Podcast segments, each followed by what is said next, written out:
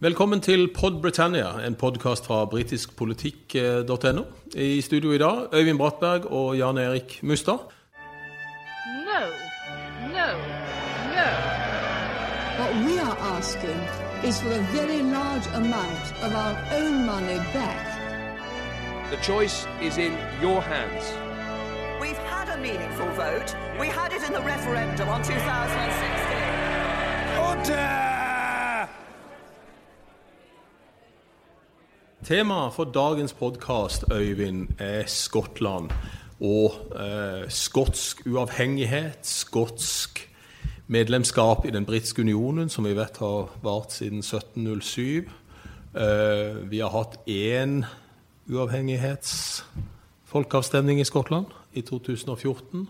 Kommer den til? Mye tyder jo på det, da.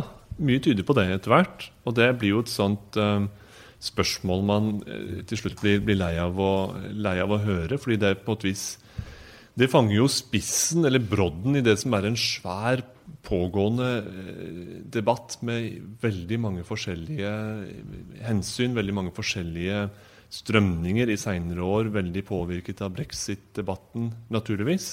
Men jeg tror det korte svaret på et svært komplisert spørsmål er, er ja, at det kommer en ny, en ny folkeavstemning. Og så kan man så kan man jo um, frykte det scenarioet, eller glede seg til det scenarioet, avhengig av hvor, hvordan man tror det skal gå, og hvordan man ønsker at det skal gå.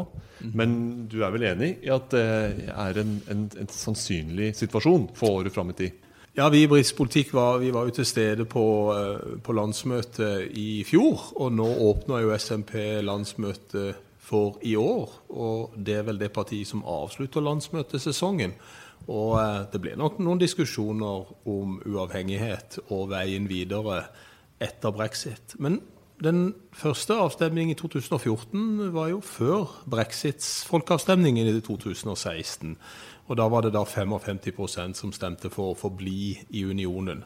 Men hvilke strømninger og tendenser ligger der i Skottland, Øyvind, som kan kanskje peke i retning at vi muligens kan få et annet resultat?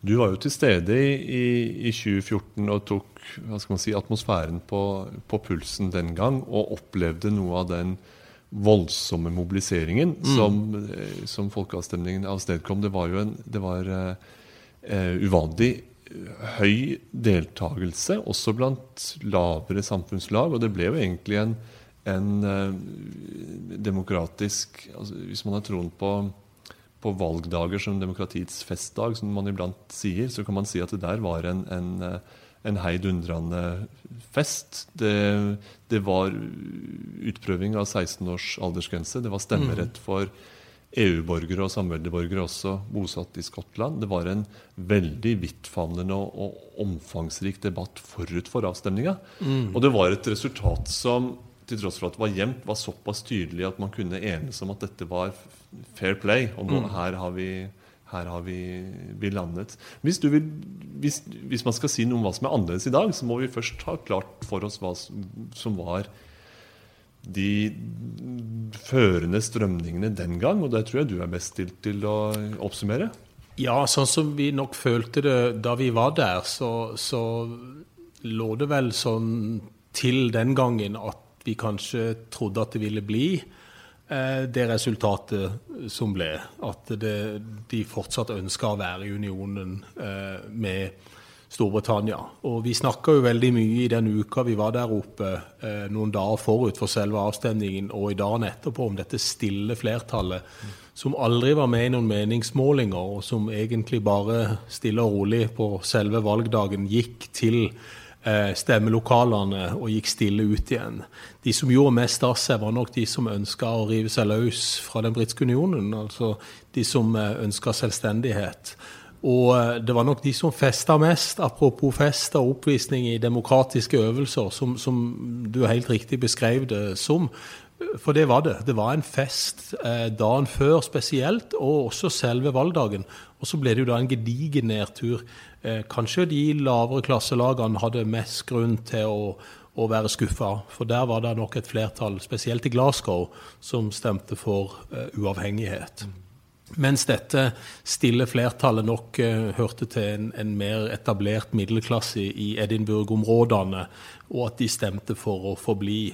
Så, eh, men, men det som var spesielt synes jeg, med å være der og være såpass tett på begivenhetene, det var jo at eh, den voldsomme eh, markeringa og, og eh, dette, denne festivitasen som var for, for selvstendighetssida, den tok jo fullstendig luven av, av de som ønska å forbli. Og så er det jo ofte sånn at hvis man ønsker forandring, så er det da kanskje enda mer viktig å markere det på den måten det, det ble gjort. da. Og forandring gir eh, begeistring. Og det var virkelig noe av det som folkeavstemningen og mobiliseringa omkring folkeavstemninga lyktes med. Så var det jo å mane frem en, eh, en, en begeistring på selvstendighetssiden, eller på de som, den siden eh, som ønsket uavhengighet. Og da underveis så sprengte de åpenbart noen, noen demninger også hva gjelder partistøtte. Og det er noe av det som tross alt ser annerledes ut etter 2014 sammenlignet med, med før. Du nevner jo Glasgow, som er en av eh, Labours absolutte kjerneområder. Den gamle industriarbeiderklassen og dens etterlevninger i Glasgow. En av grunnene til at Labour var Skottlands dominerende parti, i alle fall ved valg til det britiske parlamentet i London.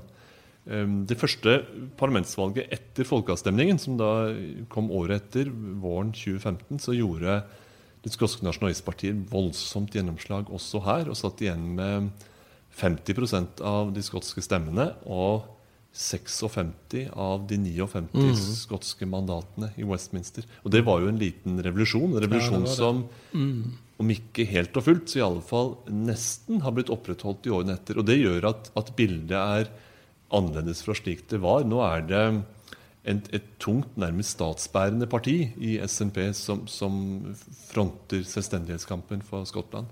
Ja, det er det. Og det er jo eh, Så ble jo da eh, brexit-avstemningen eh, nokså utslagsgivende i 2016 også, hvor, over 60% 62% stemte for å forbli i EU. I hvilken grad tror vi det kanskje kan påvirke opinionen i retning av en, en selvstendighet i forhold til at folk i større grad nå, etter valget til det britiske parlamentet i 2015, brexit, folkeavstemningen i 2016, parlamentsvalget i 2017 hvis, hvis vi skal se dette her i, i en sånn litt, litt bredere perspektiv, hvordan tror vi det vil påvirke en eventuelt folkeavstemning i, i Skottland som vi tror vil komme på et eller annet tidspunkt? Vanskelig, vanskelig, vanskelig. Fordi det er, det er et måte underliggende eh, spørsmål her. Vil Skottland være med Storbritannia ut av EU, og vil de være med ut også på hard brexit-premisser? Sannsynligvis blir de pent nødt til, pent nødt til det, men hvor mye eh, agg og opposisjon vil det skape i Skottland? Er det sånn at en folkeavstemning vil tvinge seg fram på det grunnlaget? Det ser jo unektelig slik ut, eh, men det vil være en folkeavstemning under vanskelige vilkår for eh, SNP og de som ønsker skotsk uavhengighet. Man kan godt si at, at eh, brexit-avstemningen har vært en, en mobilisator for, for de som ønsker skotsk uavhengighet. Det har den nok. Og den illustrerer nok en gang hvordan Skottland er annerledes innrettet politisk. og Et flertall i Skottland har andre politiske ønsker enn det London gjerne gir til kjenne, og det engelskmenn gjerne gir til kjenne. Men den konflikten er på en måte den er lettere å diskutere som, som eh, seminartematikk enn som politisk eh, framtidsvalg. For i det øyeblikk Storbritannia går ut av EU, så er det ikke bare for Skottland å trykke på exit fra brexit-knappen, og så, Nei, så er alt eh, løst igjen. Nei. Det vil tvert imot være et veldig farefullt og vanskelig politisk landskap å, å, å manøvrere i. Eh, og det er jo også sånn at, at i farefulle tider så har folk en tendens til å trekke i, i retning det trygge. Eh, og det å stemme for skotsk uavhengighet på et tidspunkt hvor alt synes uavklart i, overfor Storbritannia så vel som overfor EU, det er ikke noe, noe enkelt utgangspunkt. altså. Nei, og så må det vel være en viss garanti for SNP-leder Nicola Sturgeon, som, som nå er førsteminister i Skottland, at de faktisk har muligheten til å vinne denne gangen.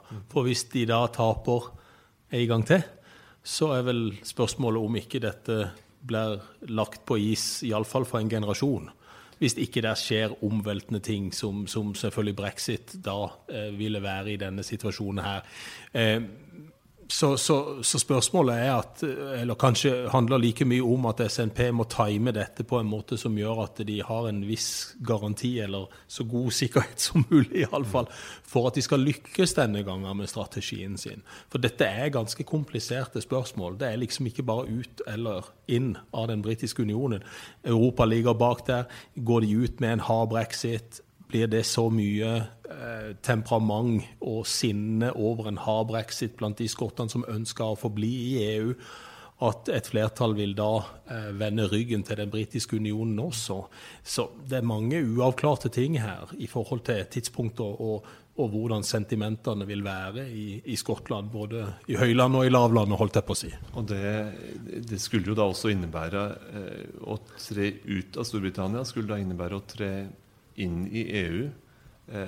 Og inn i et EU som forhåpentligvis får en god avtale med Storbritannia, slik at man kan ivareta en mm. nær relasjon med det som tross alt er, er ikke bare handels, den største handelspartneren, naturligvis, mm. rest-Storbritannia, men også ens, eh, ens åndsbrødre og, og, og, blodsbrødre. Så det må mm. jo det bildet må henge sammen på det tidspunktet man kommer til en folkeavstemning. Og det med politisk timing gjelder jo også SNPs rolle som det store partiet.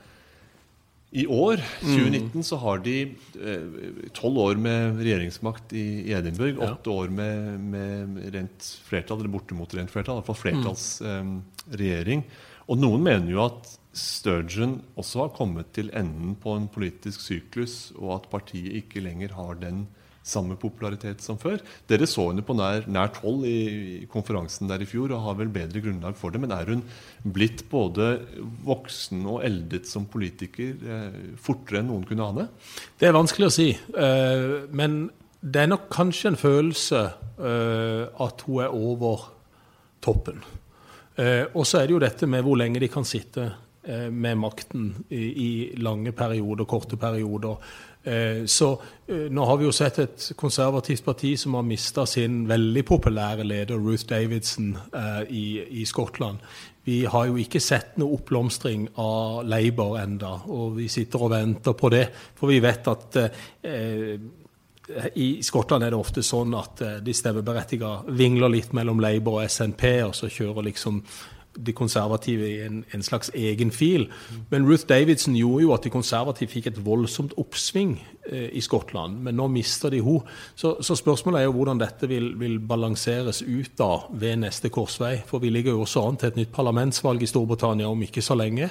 Og da vil vi jo få en pekepinn på styrkeforholdet mellom de tre store partiene. Eh, og så kan en jo kanskje si at eh, Labour har vært på vei ned lenge og har stått ganske langt nede. Eh, de konservative var på vei opp. Hva vil utslaget med Ruth Davidsons avgang eh, ha å bety for eh, oppslutningen rundt de konservative? Og da om SNP enda er det naturlige regjeringspartiet i Skottland, eller om de begynner å, å føle en viss form for slitasje i maskineriet sitt. Vi vet jo fra, fra britiske regjeringer òg at det å sitte lenge ved makten, det, det det gjør at du får en enorm slitasje i partisystemet og i partiapparatet. Og, og alle de som er involvert i makt, det, det, tapper en for både energi og fornyingsevne og alt mulig rart.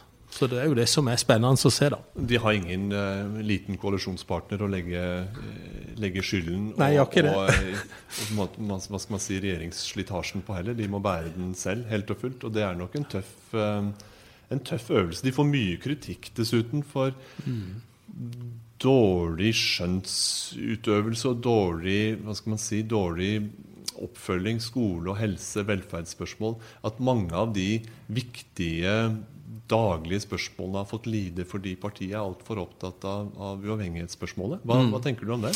Jo, jeg tenker Det er et veldig viktig moment. og Jeg ville gjøre en sammenligning til Det demokratiske unionistpartiet i Nord-Irland. I Nord-Irland er det jo ingen politiske institusjoner som fungerer for øyeblikket. Alle ligger på is, og Nord-Irland styres direkte fra Westminster i London.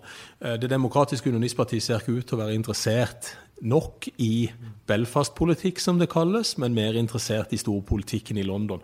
Og, og det jeg skulle si om SNP da, i denne sammenligningen handler jo om at det er et nokså lite parti som har hatt en voldsom vekst de siste årene, eh, og fikk jo da nesten alle de skotske setene ved, ved valget i 2015. Eh, og da, da er det vanskelig å sjonglere Hollywood i Edinburgh og Westminster i London og prøve å balansere dette er veldig veldig vanskelig. Spesielt når denne hovedsaken disses er uavhengighet. Da vil jo automatisk noe måtte lide. Og da er det det vi kaller bread and butter politics hjemme. Altså helt ordinære politiske prioriteringer på hjemmebane som blir skadelidende fordi man spiller kanskje mer storpolitikk enn en det velgerne nødvendigvis ønsker at de skal gjøre. Så den balansegangen der ser vi jo både i Wales, i Nord-Irland og også i Skottland. Fordi at SMP har båret veldig mye av politikken de siste årene alene. Det er et veldig interessant poeng. Et land sammenlignbart med, med Norge i størrelse. Og mm. SNP, som da har vokst til å bli en vesentlig politisk kraft, må følge opp sin regjeringsmakt og fyldige parlamentsbenk i Edinburgh. Mm. Har gått fra en håndfull parlamentarikere til, til de 56 de da fikk i, i 2015-valget i, i, London. Mm. Så finnes det et lokalnivå, og det finnes forsyner meg også et, et, europeisk nivå med egne skotske representanter i Europaparlamentet. Mm. Så det for, for partiet å følge opp gjennom god politikkutforming og, og på et vis oversikt og innsikt på alle nivåer, mens uavhengighet egentlig er partiets eh, grunnleggende marsjordre.